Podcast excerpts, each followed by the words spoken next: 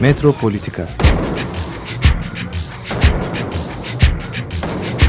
Kent ve kentlilik üzerine tartışmalar. Ben oraya gittiğim zaman balık balık balık balık tutabiliyorum mesela.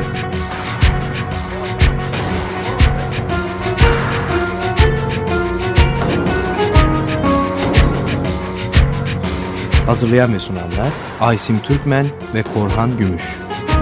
Takusuyor ya. kolay kolay boşaltamadı. Yani elektrikçiler terk etmedi Perşembe Pazarı merkezini.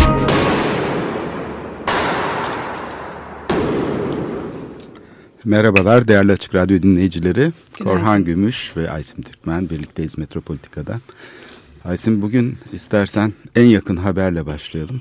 Ee, şu anda Taksim e, gezisinde Taksim dayanışması bir basın açıklaması yapıyor. Ee, bir takım etkinliklerle birlikte. Taksim dayanışması e, çok sayıda sivil toplum kuruluşundan ve meslek odalarından oluşuyor. İçinde siyasi partiler de var aslında 60 tane kuruluş. Ee, ve başlatmış oldukları hukuki süreç hakkında kamuoyunu bilgilendiriyorlar. Biz de bağlanmaya çalışabiliriz belki biraz sonra. Fakat henüz daha başlamadı basın toplantısı. Ee, bu iyi bir gelenek oldu diye düşünüyorum. Taksim Meydanı'nın en azından böyle bir açık kürsü gibi bir hali oldu. Yani düşünüyorum da eskiden pek kolay değildi basın açıklamalarını kent me- mekanlarında yapmak. Hele hele Taksim Meydanı'nda yapmak çok tehlikeliydi. Hemen e, gözaltına alınıyordu insanlar falan. Şimdi aslında bu bir bakıma konuşmak serbest. Yalnız e, hani bir tabir vardır. Taşları bağlamışlar. Fakat hiçbir etkisi yok. Artık hukuk süreçleri, bütün bu dispozitifler yani hukuksal şeyler e, çok kolaylıkla e, sürüncemede kalabiliyor. Uygulama bitiyor. Bir örnek vereyim. Mesela Dolmabahçe'de yapılan tünel. Bunun için yasaya aykırılığı çok açık olan bir şey var. Burası sit alanı çünkü ve sit alanı e, da olduğu için koruma kurulu kararı gerekiyor. Böyle bir koruma kurulu kararı olmadığı için bu tünel açılırken Ayas Paşalı bir e, kişi bunu fark ediyor ve mahkemeye başvuruyor. Şu anda tünel bitmiş durumda da hala mahkeme açılmış değil. Yani hala da hukuk süreci sürünüyor. Yani bazen insanları gözaltına alırken falan hukuk süreci olmadan uygulama olabiliyor. Ama bazen de aynı bu paralelde hukuk süreciyle ilgili bir gelişme olmadan, idare mahkemesindeki bir karar olmadan uygulama başlayabiliyor. Şimdi bu Taksim gezisinde yapılmak istenen kışla içinde durum aynı. Geçtiğimiz haftalarda bilgilendirmiştik radyoda. Ee, kışlanın tamamının yapılmasını istemiş ee, başbakan. Çünkü bir tartışma vardı. Bunu zannedersen biraz e, İstanbul ölçeğinde bazı e, şeye yakın siyasi kanallara yakın kişiler dile getiriyordu. Yani e, bir takım etkili e, bürokratlar eğer e, şey olursa başbakan şuna razı edilebilir. Neye efendim? E işte zaten yapılaşma var. Türk Hava Yolları'nın olduğu yer, işte evlendirme dairesinin olduğu yer falan. Var ya o şeydeki McDonald's'ın, PTT'nin falan olduğu köşe. Burası zaten Cumhuriyet Caddesi cephesi. Kışlanın da ana cephesi zaten burasıydı. Yani başbakanı şuna ikna edelim. Ağaç kesme, geziye inşaat yapma falan olmasın. Hazır orada yapılaşma var. Hani o yapılaşmada biraz zaten derme çatma makul bir yol bulunsun ve kışlanın sadece o cephesi bu e, Cumhuriyet Caddesi'ndeki bölüm üzerine yapılsın. Yani Divan Oteli'nin oradan başlayacak Taksim Meydanı'na kadar bir dörtte bir mi diyelim artık bir kışla şeyi bölümü yapılsın. Şimdi bu bir mimari sorgulamadır. Bu tip şeyler böyle çeyrek hani çeyrek döner, yarım ekmek falan köfte. Ama çok komik geldi gerçekten. şimdi ama yani şimdi inşaat üzerinden konuştuğumuz için komik oluyor. Aslında mimari sorgulama mümkündür her zaman canlandırmalar. Çünkü bu bir deneysel bir şeydir. Yani binanın inşaatı başka bir şey. Ee, bir de fikir üretmek başka bir şey. Yani mimarlık şey değil ki yani e, inşaatçılık değil ki yani mimarlık düşünce geliştirme işi. Dolayısıyla Ama düşünce geliştirme işi. Evet inşaat üzerinden konuşulunca böyle komik oluyor. Yani belki kışlanın çeşitli tasvirleri, betimlemeleri yapılabilir. Yani geçici olarak. Mesela ben şeyi hatırlıyorum. Norveç'te zannedersem Leonardo Vinci'nin bu Haliç'teki köprüsü buzdan yapılmıştı. Yani buzdan olması herhalde bir fikir veriyor değil mi? Çünkü o bir şey, geçmişe ait bir e, taslak.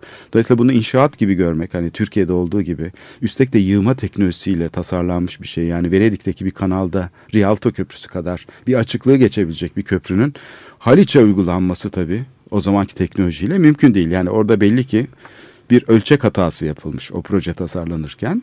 Ama gene de çok güzel bir fikir. Ben çok Ya aslında Şey- şey, düşünüyorum. Yani hani gerçekten bunu metafor olarak yapmaya kalkan bir sanatçı olsa. Yani bu çeyrek olarak onu yapmak bile aslında çok absürt. Çok e, hani bambaşka yaratıcılıklara neden olabilecek bir boyuta, boyutta olabilir. Ama bunu hani birilerini memnun edelim, öteki tarafı da kırmayalım anlayışıyla yaptığın zaman E, tünellerde öyle bir tartışma yani. cereyan ediyor ama e, bu şeyin e, zaten ortalama üzerine kurulur ya bu siyasi şeyler entelektüel bir şey içermez. Siyasetçiler böyle bir şeye kabiliyetleri yoktur. Yani onlar işte taleplere cevap verirler ama düşün çe- çevresi yani bu siyasetin oluşmasında mimarların, sanatçıların çok önemli bir rolü vardır. Çünkü onlar bu perspektifi açarlar. Yani buradaki örtüyü kaldıran, işi inşaatmış gibi gösteren şeye düşünsel boyutu katan mimarlık çevreleridir, üniversitelerdir. Yani bu, bu kesimdir. Zaten orta sınıf pratiğine dönüşmesi Türkiye'de mimarlığın, düşünce üretiminin, sanatın asıl problem bu. Yani bir esnaf şeyi gibi bağımlı bir pratik haline geldiği için aslında totaliter bir toplumun en temel özelliği e, bu şeyleri yani bağımsız olması gereken sembolik sınıfı bir sivil toplum kesimine çevirmesidir. Tıpkı yani bir şey gibi, bir çıkar grubu gibi. Böyle olduğu anda toplum nefes alamaz, boğulur. İşte Türkiye'nin başına gelen de bu. Piyasa mekanizmalarına teslim edilince sanat ve kültür geriye ne kalıyor? Geriye kutsal bir bagaj kalıyor. Yani ideoloji ve onun da basma kalıp uygulamaları. Piyasa bize sözde bir özgürlük alanı sağlıyormuş gibi değil mi? Öyle gözüküyor ama bu son derece aldatıcı. Çünkü piyasanın sunmuş olduğu özgürlükler tamamen e, şey üzerinedir. E, ticari bir e, perspektiften gelişir ve bağımlıdır çok kolaylıkla. Hiçbir direnci yoktur. Yani şeyin siyasetin totalitarizmine karşı piyasanın hiçbir direnci yoktur. Yani hep serbest toplum Kamusal falan alan denir ama bu tamamen yalandır. kamusal alan ve kamusal bütçeler bunun için çok önemli. Çok önemli. Ya İkinci Dünya Savaşı öncesi Avrupa'da yaşanan gelişmeleri hatırlayalım. Sanayiciler, sermaye sahipleri faşizme karşı, nazizme karşı direnebildiler mi? Tam tersine kol kola girdiler. Bu çok açık. Üstelik de onların böyle bir ideolojisi falan yoktu. Yani bunlar ideologlar değillerdi. Yani sanayicilerin bazılarında vardır hani şeyler vardır böyle büyük e, şeyleri vardır, hırsları vardır falan. Öyle değil. Yani sahiden kaç kuşaktır sanayici olan, belki dünyanın en eski sanayi şeylerinin temsilcileri olan aileler bir anda Nazizmle işbirliği yaptılar. Dolayısıyla Türkiye'deki bu totaliter toplum şeyinin görüntüleri şimdiden çok kaygı verici. Çünkü yani piyasadan medet ummak, piyasa ile buna cevap vermek artık mümkün değil. Yani bir başka e, kulvarın açılması lazım. Yani biz hani kentle ilgili projeler ve çok kozmetik konular gibi algılanıyor ama tam da siyaset burada başlıyor işte. Yani şimdi bu son olarak işte bu kentsel dönüşüm yasaları, Ya bu, bu, e, şeyler Bu piyasa ile devletin ilişkisi de bu neoliberal ekonomilerde hani e, dünyanın çeşitli örneklerinde de çok enteresan. Yani istediği yerde devlet Aa bir dakika piyasa deyip inanılmaz bir şekilde hani orada bir özgürlük vaat ediliyormuş gibi kendi de orayı özgür evet. bırakıyormuş gibi gösterirken diğer yanda e, aslında bunu bahane de ederek bambaşka noktalarda piyasanın e, özgürlüğünü bahane ederek inanılmaz bir şekilde aslında hani fazlasıyla aktif bir rolde olabiliyor. Bu da çok enteresan bir durum. Evet. Şimdi ben bu açıdan aslında Türkiye'de bazı şeylerin üstünden ıslak süngerle geçilmesini bir türlü anlayamıyorum. Özellikle de politik tarafta söyleyecek sözü olan insanlar açısından. Mesela bu TOKİ meselesi. TOKİ aslında yani tabii ki kuruluş e, şeyinden itibaren e, bir e, sosyal amaç güden bir kuruluş. Ve bu kuruluşun 90'lı yıllardaki uygulamalarını biz unuttuk. 90'lı yıllarda özellikle o zamanki ismi CHP miydi yoksa henüz daha CHP adını almamış mıydı? Ee, Sosyal Demokrat Parti diyelim.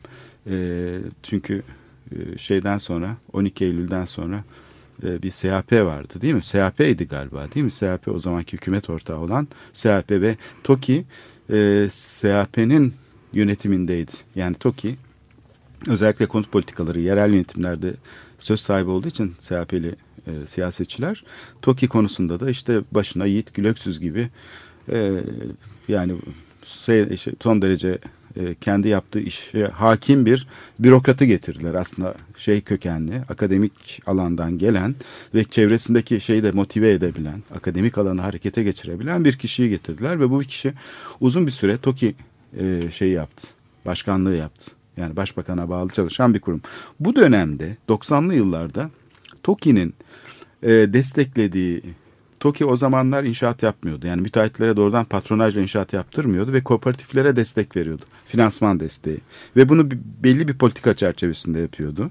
Yani kısmi bir destek veriyordu. Kooperatif ne demektir? Kooperatif aslında kar amacı gütmeyen bir kurumdur.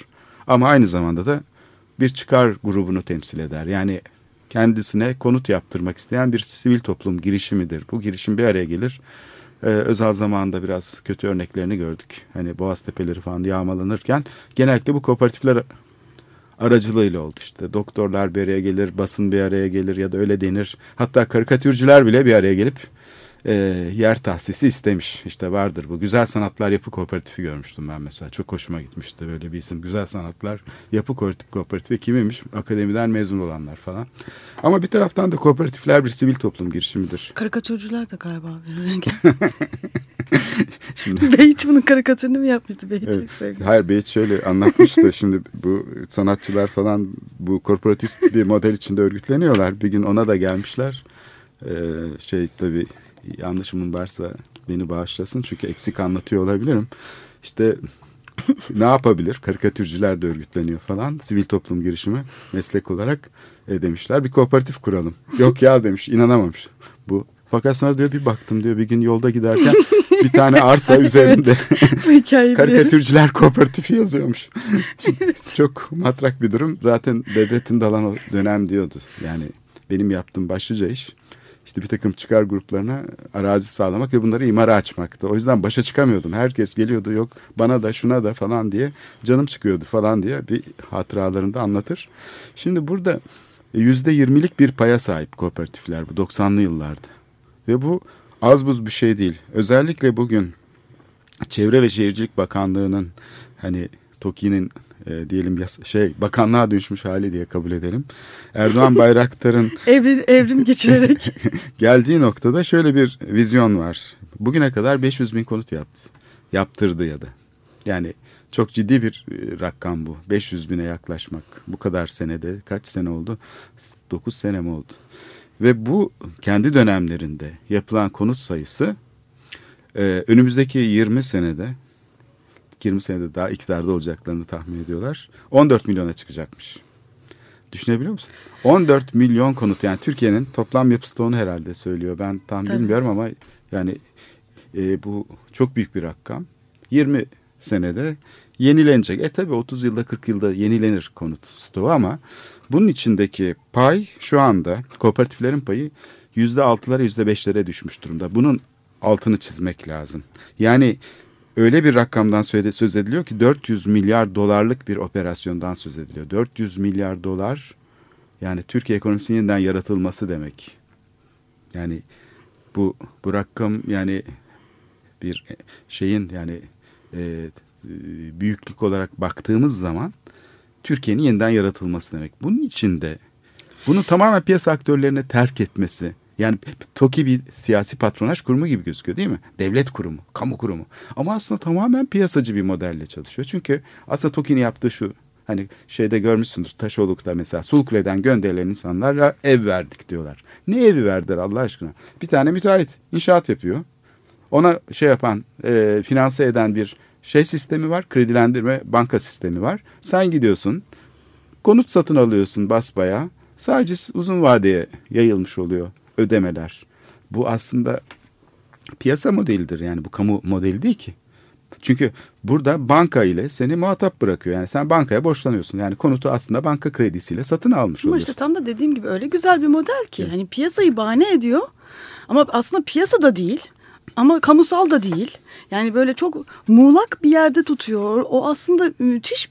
Hem yani, kamu hem özel evet, işlevi. Zaten bu, bu, TOKİ'nin özelliği bu. evet. Neoliberal sistemin e, belki de en hani e, bu anlamda incelenmesi gereken noktası bu ara dere o alanları yaratmış olması. Bütün dünyada da var bu.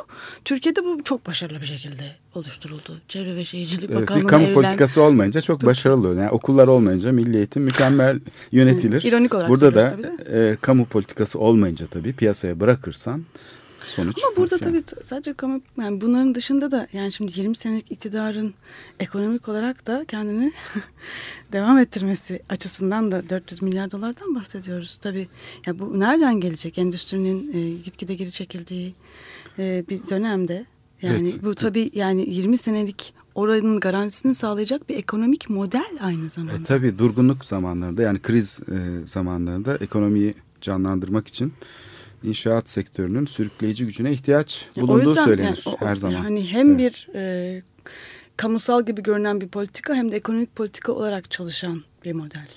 Evet ama bir taraftan da hani bu şey işte yani tıpkı banka sisteminin iflas etmesi gibi bu konut e, şeyiyle kredileriyle birlikte e, Amerika'da çok büyük bir krize yol açması gibi burada da bu büyümenin e, aslında e, sektörel bir şey olduğunu görüyoruz. Yani e, para e, gelir transferi yaratabilecek bir sektörel e, gelişme. Dolayısıyla e, şeyi yok. Yani e, sürdürülebilirliği yok. Çünkü bunun elde buradan elde edilecek şey sadece büyüme.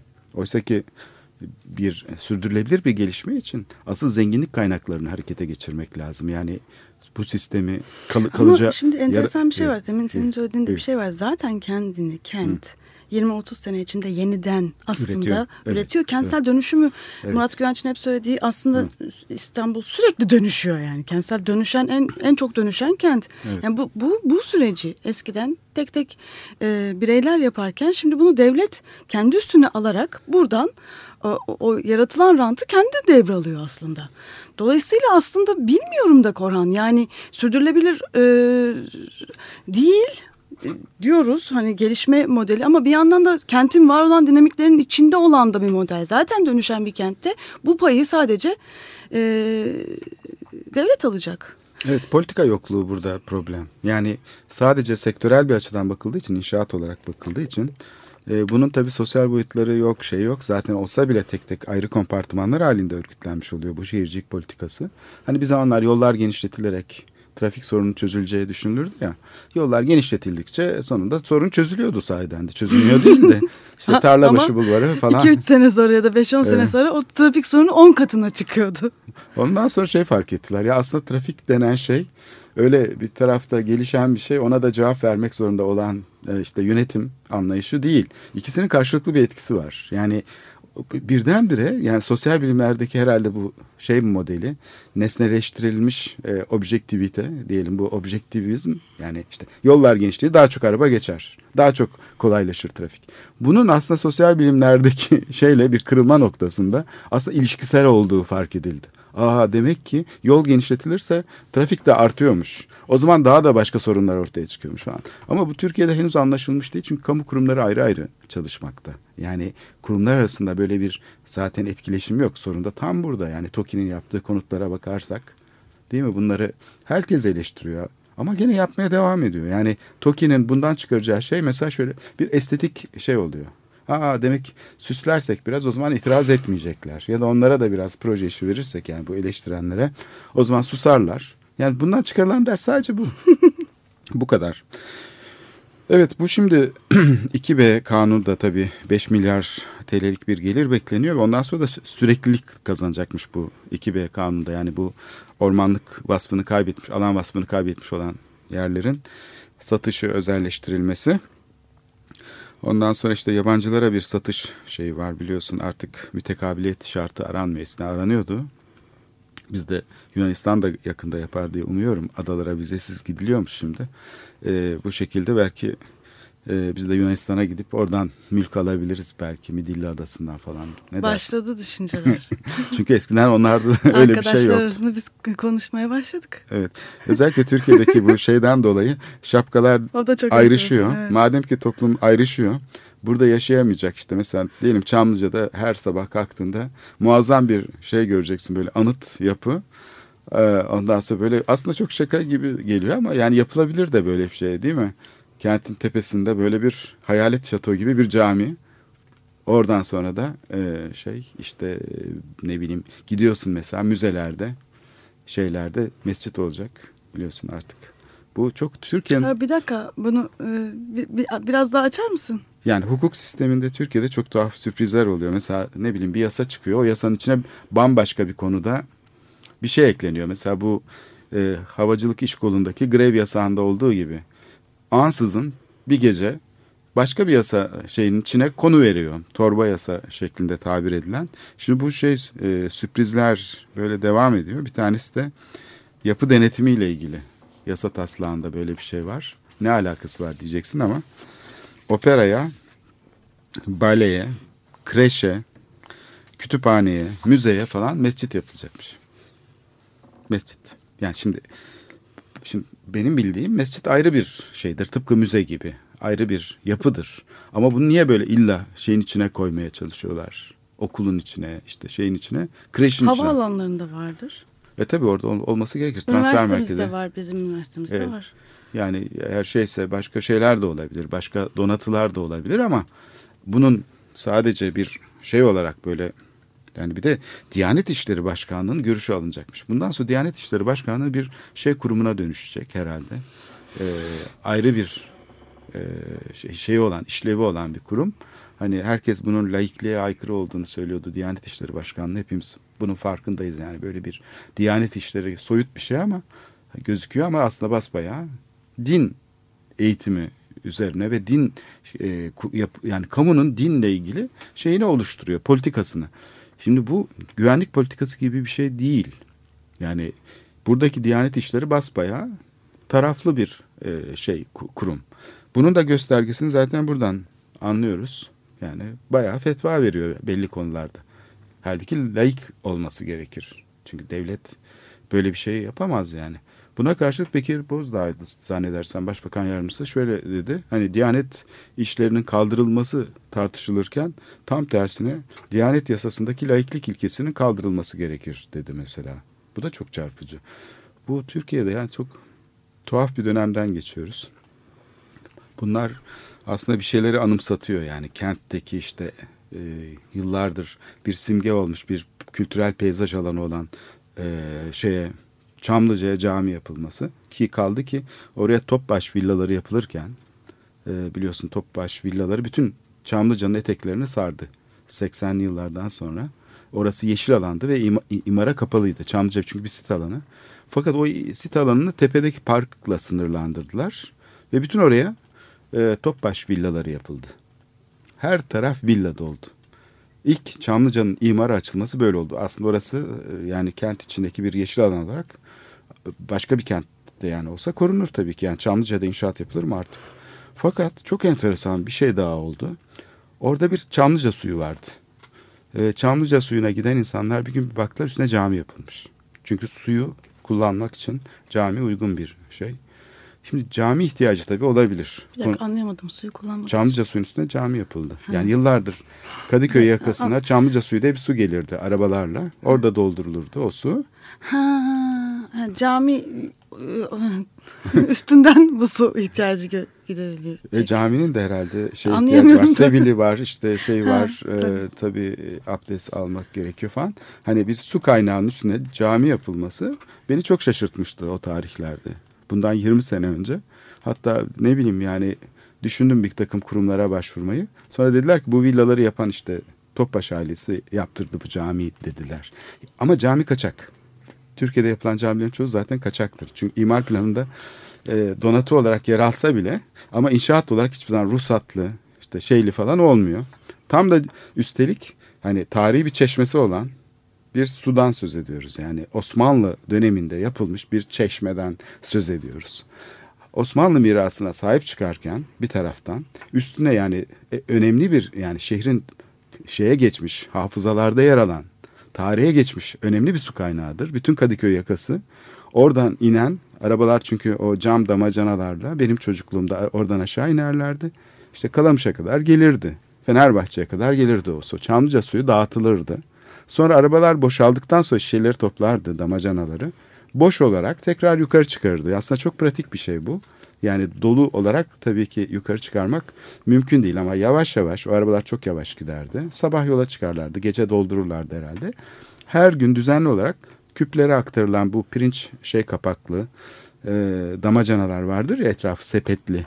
Onlardan yani İstanbul'un içme suyu şeyinde çok önemli bir yer tutardı bu e, şey ve Çamlıca suyu çok kaliteli bir su olduğu için tercih edilen bir suydu ve evlere gelirdi. Bizim eve kadar gelirdi bu Çamlıca suyu.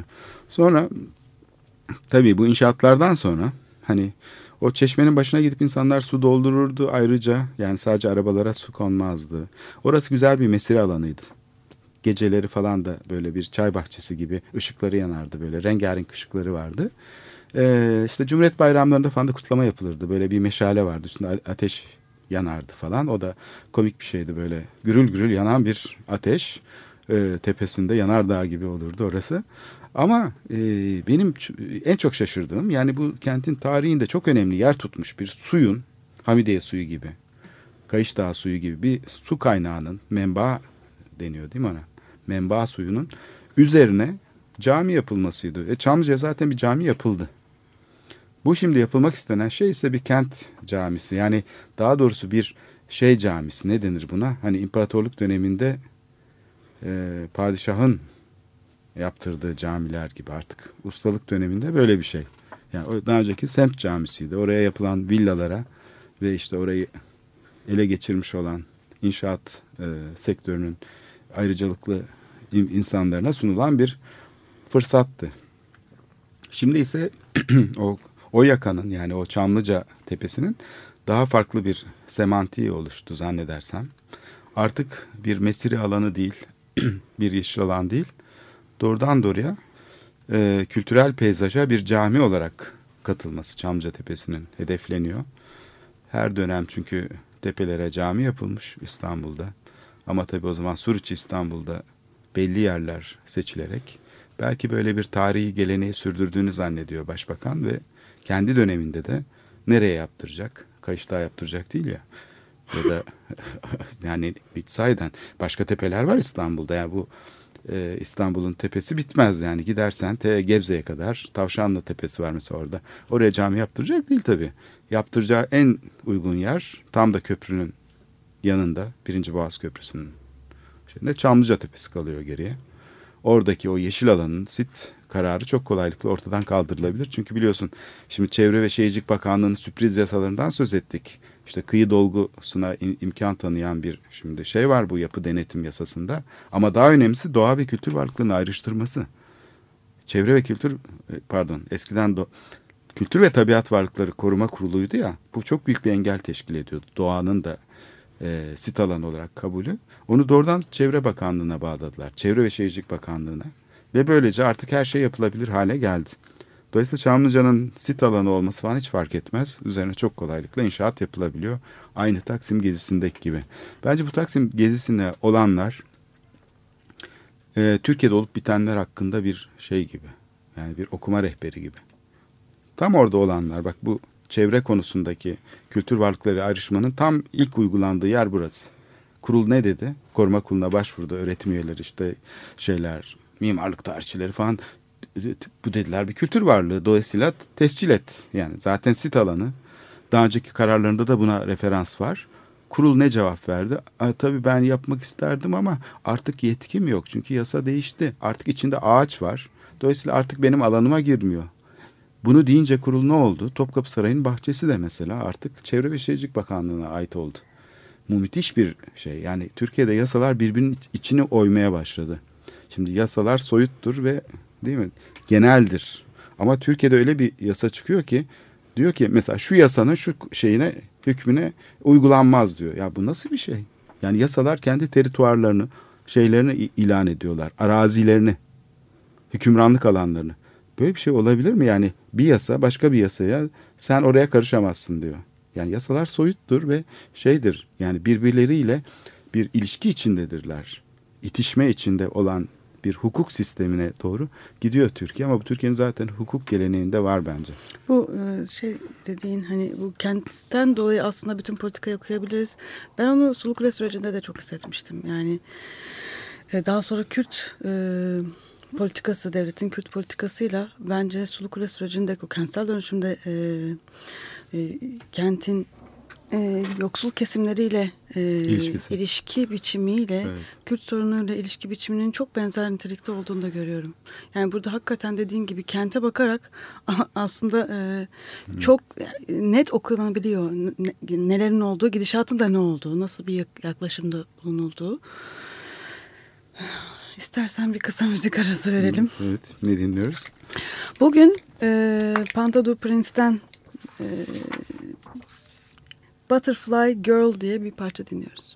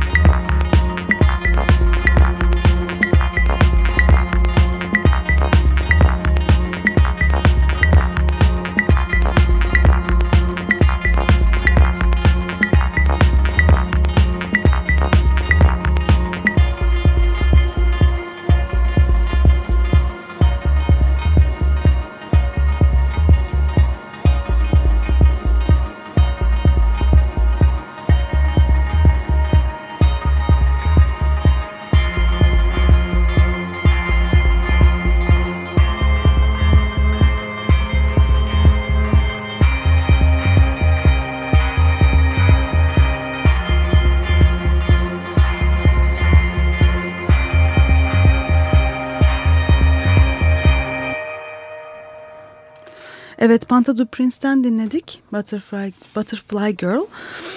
Ee, şimdi de e, Taksim Gezi Meydanı'ndaki basın toplantısı.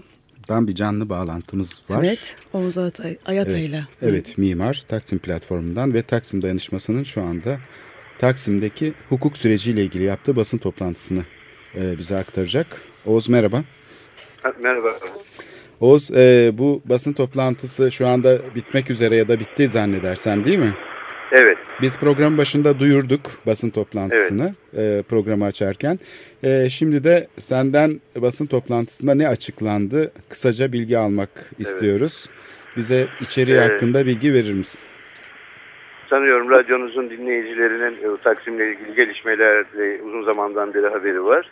Bugün bunlarla ilgili bir basın toplantısı yapıldı ve e, gerek Taksim platformunun gerekse Taksim Dayanışması'nın, içinde Taksim Platformu'nun ve 70'e yakın e, derneğin meslek odasında bulunduğu Taksim Dayanışması'nın açtığı davalarla ilgili bilgiler verildi. E, açılan davaların özelliği özellikle bu bölge için yapılan projenin altyapısını oluşturulacak e, ulaşım planı tadilatı, plan tadilatının iptali, e, davalarda genel olarak daha önce alınmış kurul kararlarına atıfta bulunuldu. Bu kurul kararlarının çelişkileri ortaya kondu.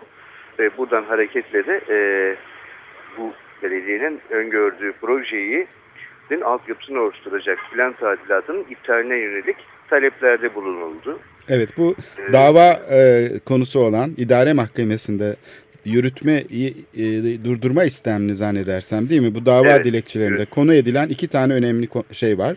Mesele var. Bir tanesi plan tadilatı şeklinde yapıldı bu. Çünkü koruma amaçlı imar planına evet. aslında bu ulaşımla ilgili proje bir plan şeklinde sok, sokuldu. Evet. Monte edildi diyelim. Çünkü aslında evet. planların projeleri pek fazla ilgilendirmemesi gerekir ama burada planın içine proje bir şekilde sokuldu. Buna itiraz var. İkincisi de koruma kurulu kararlarıyla bu onaylandı değil mi? Bu şey evet. e, plan tadilatı evet. koruma kurulu kararıyla onaylandı. Dolayısıyla buna da koruma kurulunun daha önce almış olduğu kararlarla da ilişki kurularak burası çünkü sit alanı e, bir şey var. İtiraz var. Evet. E, bir aynı zamanda da tabii koruma kurulunun vermiş olduğu bir cevap var. Biz ona demin değindik. Yani burasının kültür varlığı olarak e, tescili e, talebine karşılık koruma kurulunun e, kusura bakmayın ama burada ağaçlar var onun için burası doğa varlığı gibi bir cevap vermesi de tabii evet. önemli bir e, şey e, içeriyor. Yani ayrıştırma bugüne kadar hiç görülmemiş hukuk sisteminde ilk defa rastlanan türden bir garabete yol açıyor. Yani evet. malzemeye göre kültür varlığının şeyini ayırt etmek içindeki ağacı veya işte bütün bu kültürel peyzajı birdenbire Çevre ve Şehircilik Bakanlığı'nın konusu haline getiren e, çok ilginç. Yani dünyada bütün kentle ilgili konular ilişkisel bir yöntemle alınırken Türkiye'de parçalanmaya başladı yani bu hukuk sistemi içinde. Peki bu şey e, e, Taksim dayanışmasının içinde 70'ten fazla kuruluş var dedin. Biz demin e, 60'tan fazla e, diyerek belki düzelttik. Evet, 60 ile 70 arasında e, ve dolayısıyla bu hukuk sürecinin e, bir e, sonucu bekleniyor şu anda. Başvurular evet. yapıldı. Evet. evet. Ve ee, kişiler de yaptı. Tabii, evet. Hem bu davaları e, dayanışma adına e, Mimarlı Odası, Şehir Plancıları Odası ve Peyzaj Mimarları Odası açtı. E, onun dışında e, bireylerin açtıkları davalar var ve e, bir de sent derneklerinin açtığı davalar var. Ama hepsi ortak bir temaya sahip. Senin demin özetlediğin kurul kararlarından hareketle e, yapılan çelişkili uygulamaya, plana e, itiraz davaları, planın durdurulması davası. E, bugünkü basın toplantısında bu dernekleri temsilen, mim odaları temsilen insanlar vardı. Taksim Gezi Parkı'nın merdivenler bölümünde yapıldı. Evet. E, ve kısa bir basın toplantısı oldu. E, basından katılım tahminimizden yüksekti. E, Anadolu Ajansı, Kanal D, Habertürk e, sürekli takip eden muhabirleri göndermişlerdi umuyorum ki e, konunun farkındalığını arttırmaya katkısı olacak bu basın toplantısının. Tabi süreç e, sadece basın toplantılarıyla yürütülmüyor e, bu farkındalığı arttırma süreci. E, belediyenin e, bu konudaki hareketleri, kurulun e, önümüzde beklediğimiz enteresan gelişmeleri e, yaşatacağını haber alıyoruz. E, Ne gibi mesela bu? Çünkü e, biz de demin bir tartışmaya değindik burada. Yani bu kışla inşaatı konusunda çeşitli şeyler ortaya çıkıyor, spekülasyonlar. Çünkü kışlanın aslında tıpatıp aynısını inşa etmek bugün mümkün değil. Zaten yapı teknolojisi değiştiğine göre, işlevi değiştiğine göre kışla aslında çok e, lafta kalan bir şey. Dolayısıyla burada bir mimari sorgulamanın hatta e, yani kullanım açısından da bir kamusal alanı sorgulamanın hatta siyasi e, e, şeyle kamu alanının e, ilişkisini sorgulamanın ilginç bir aracı olarak gözüküyor bu kışla meselesi. Tepede inme bir dayatma şeklinde inşa edilmeye kalkışılması Türkiye'deki bu e, totaliter toplum e, modeline doğru gitmek isteyenler için tabii çok önemli bir gösterge. Ee, ne dersin sen bu açıdan? Ee, nasıl bir şey var burada? Dediğin gibi çok boyutu olan bir girişim bu. Ee, biz e, bir alanın e, şehrin tarihi, sosyal, toplumsal bir alanının bir hesaplaşma konusunu olmadan ele alınabileceğini düşünen insanlarız. Ee, hayatın gerçekleştiği, e, yeşil alanın, ağaçların olduğu bir yer burası. Onun için Evet. e, alo, Evet duyuyoruz. Biz seni duyuyoruz. Evet.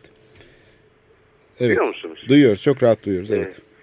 toplumun bütün kesimlerini ilgilendiren, e, tarihi ilgilendiren, sosyoloji ilgilendiren bir alan. E, ve e, toplumun ileriye yönelik beklentilerine de cevap verecek, o beklentileri birlikte oluşturacak e, mesajları ortaya koyacak bir alan burası. Evet. Onun için konu çok önemli. Evet bu e, şeye de tabii değinmek gerekiyor. E, bu projenin bir dayatma şeklinde gündeme gelmiş olması aslında kalıcı bir şekildeki bu bir simge değeri var çünkü bu mekanın, bu kamusal alanın. Aslında gelecekten baktığımız zaman e, çok geçmişi tekrarlayan, tepede inmeci bir yönetim şeyini sergileyen, simgeleyen bir müdahale olacak. Bu bence yeşil alanın kaybından da daha kaygı verici bir şey olabilir. Yani totaliter bir toplum modeline doğru gidişin bir göstergesi olarak da okunabilir. Evet Oğuz e, çok teşekkür ederiz e, bu e, basın toplantısı hakkında. Bütün çabamız ve ümidimiz katılıma açık, bütün seslerin yansıyacağı bir sürecin başlanması. Bu konuda kamu yönetiminin bugüne kadarki girişimden geri adım atması. Evet, Çabamız bu doğrultuda. evet çok teşekkürler. Başarılar dileriz. Görüşmek Teşekkür üzere. ederim. İyi günler. Oğuz At- Ayata ile görüştük. E, basın toplantısı e, şu anda bitmiş durumda. 70'e yakın sivil toplum kuruluşunun oluşturduğu Taksim dayanışmasının şu anda Taksim projesiyle ilgili özet olarak böyle söyleyebiliriz. Aslında plan tadilatı vesaire diye de açıklayabiliriz. Bununla ilgili bir yürütmeye durdurma istemli bir e, başvurusu oldu e, idare mahkemesine. Çok sayıda dava açıldı. Yani bir tane dava değil. Birçok sivil toplum kuruluşu ve birey e, çeşitli avukatlara vekaletler vererek davalar açtı. Şimdi bunların sonucu bekleniyor. E, tabii bir şey var yani burada çok enteresan bir konu var. E, bu inşaatla cevap vermesi yani şeyin yani başbakanın e, bu kışla üzerindeki tereddütlere bir nokta koymuş başbakan öğrendiğimize göre demiş ki böyle tartışarak olmaz. Kamuoyunun önünde falan tartışmayacaksınız bu işi demiş. O yüzden de Has Üniversitesi Mayıs ayında bir toplantı yapıyordu belki hatırlarsın. Hepimize çağrı geldi. Hatta ben de konuşmacıydım. O yüzden biliyorum. Ee, bu şeyin ne yapmalı gibi bir dizi galiba. Birçok konuyu yani böyle kentle ilgili birçok tartışmalı konuyu e, daha sakin bir ortamda şey yaparak, ele alarak ortaya bir takım fikirlerin e, çıkmasını sağlayan çok güzel bir toplantılar dizisi planlıyor Has Üniversitesi ve bunun içine farklı aktörleri çağırıyor. Yani sadece bir tarafı değil, işte kamu tarafından bir aktör çağırıyor, işte projeyle ilgili bir aktör çağırıyor, itiraz edenlerden insanlar çağırıyor falan. Yani böyle bir müzakere ortamı yaratmaya çalışıyor. Ee, şimdi Mayıs ayındaydı bu toplantı. Mayıs ayında tam toplantıya hazırlanırken Mayıs'ın sonuna doğru birdenbire bir cevap geldi. Toplantı iptal edilmiştir diye. Şaşırdık tabii yani nasıl iptal edilir? Yani iptal edilmesi gerekçesi şu çünkü e, proje henüz tamamlanmadığından kamuoyuna sunulması e, için erkendir. Hani o yüzden tartışılmayacaktır. Şimdi çok çok alışa geldiğimiz e, toplum anlayışına, kamu düzeni anlayışına çok aykırı bir e, şey var burada belli ki Has Üniversitesi'ne gönderilen bir e, uyarı var. Diyorlar ki yani başbakan da demiş bunu. Ya öyle kışlayı falan sakın tartışmayı açmayın. Bu ancak proje bitecek. Uygulama başlayacağı zaman oraya bir tane tanıtım çadırı kuracağız ve halka tebliğ edeceğiz. Ya bu nasıl bir yaklaşımdır? Yani tek yönlü bir iletişim süreci öngörülüyor sürekli dikkat edersen. Tabii şey de e, yani e, en azından kentsel dönüşümün ilk şeyleri olan işte Sulukule'de Tarlabaşı'ydı bir tartışma ortamı e, olmuştu yani en azından hani tartışabildik. Sulukule Şimdi- bir fırsattı çünkü Ama, belediye dışta durmamak istiyordu. Oradaki tecrübeler de Evet. tabii e, ters Evet. tepti hep. Ya bu tartışma ortamı zaten hiçbir şey de, de- yani bir, bir, bir şeye de ulaşmadı. Ama onda işte O- yeni bir tabii perspektifin politikacıların kafasında da, da- sadece uzattı süreci. Evet. İşimize engel oldu anlayışını getirdi. Arkeoloji böyle bir şeydir. İşi engeller. İşte mimarlık böyle bir şeydir. Düşünme sürecini uzatır da uzatır. Onu lastik gibi şey yapar. Ondan sonra bir türlü inşaata başlayamayız. Katıl- Taksim de katılım böyle. modeli ya, zaten aynı şey. Katılmak Katılım ne demek? Vakit kaybı. zaten onları süreceksin. Onlar zaten şey yani milli kimliğimize Katılmak uymayan ne demek? e, roman vatandaşları da süreceksin. Ben şimdi düşünüyorum oradaki mesela iki sene önce var olan bir şey, bir eğlence alanı, mekanı, müzik evi. Mesela şimdi yok.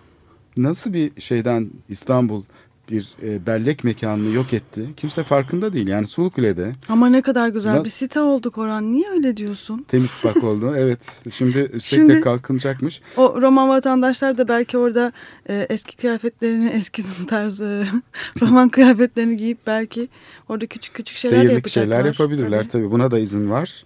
E, müze hatta bir müze bile kurulabilir. Sulukule Tabii. Müzesi diye o şeyin e, belki boş Adı kalan Sulukule olmaz tabii ki. ne olur? Neslişah mı olur? E, roman Mahallesi. kültürünü Ha tamam. geliştirme. Soyulaşmış bir isim olması Tabii lazım. ki. Geliştirme ve Sulukule falan olur mu hiç? e, yaşatma. Bak çok güzel. Roman kültürünü geliştirme ve yaşatma projesi diye bir proje başlatırlar. Orada zaten e, bu projeyi yapan mimarlar ne demişti? Biz e, şeyi var olan dokuyu esas aldık dediler. Zaten doku deyince herhalde insanlar hariç olan kısmı anlaşılıyor. E, bir takım şeyler yaptık dediler. Böyle avlular, işte geçişler falan filan. Muhteşem bir şey. Yani o anıyı zaten, ruh- Zaten ruhunda var, ruh var yaşatıyor. orada. Mimarlar bu ruhu temsil ederek yaptılar binaları. Kimler için? Gelecek yeni sahipleri için.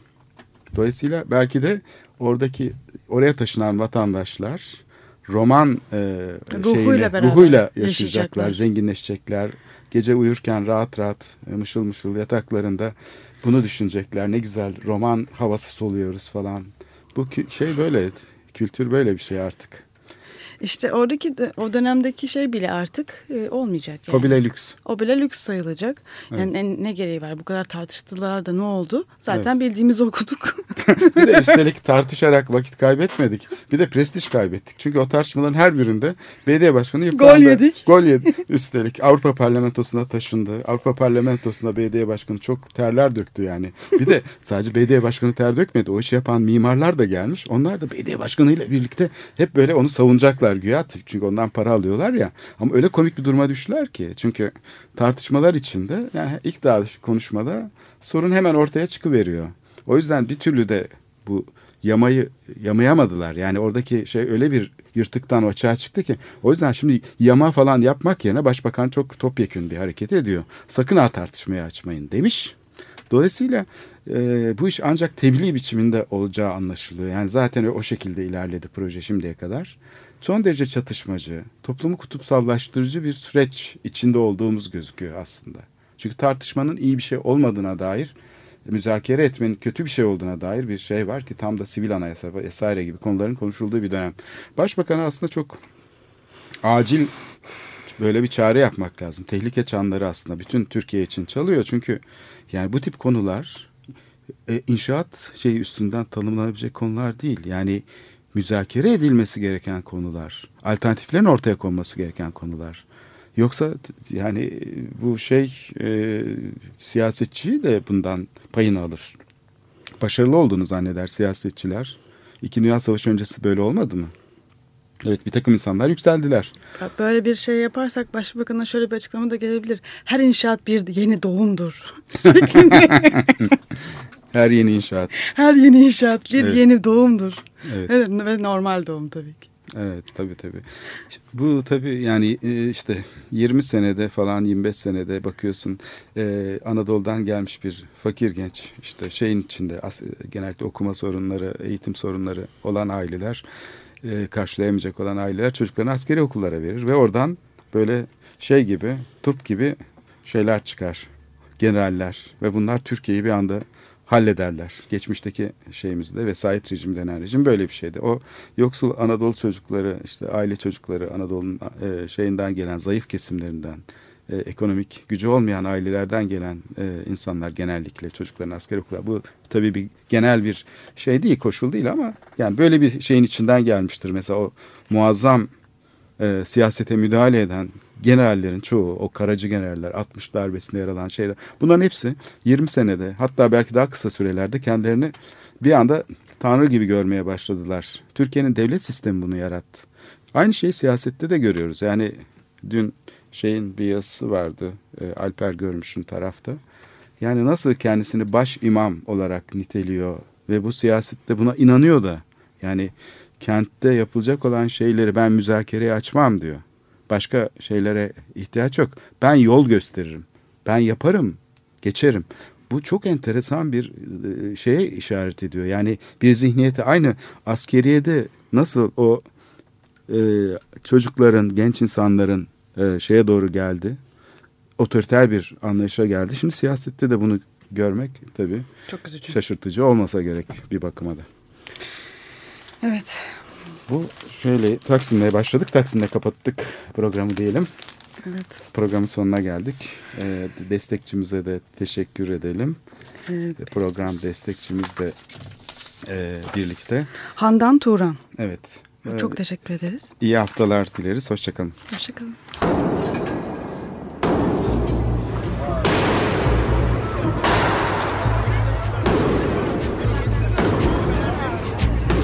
Metropolitika Kent ve kentlilik üzerine tartışmalar.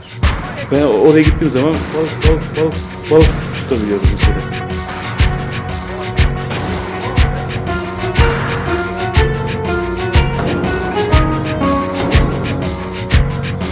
Hazırlayan ve sunanlar Aysim Türkmen ve Korhan Gümüş.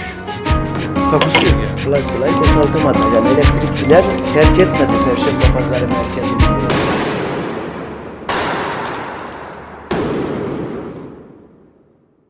Açık Radyo program destekçisi olun. Bir veya daha fazla programa destek olmak için 212 alan koduyla 343 41 41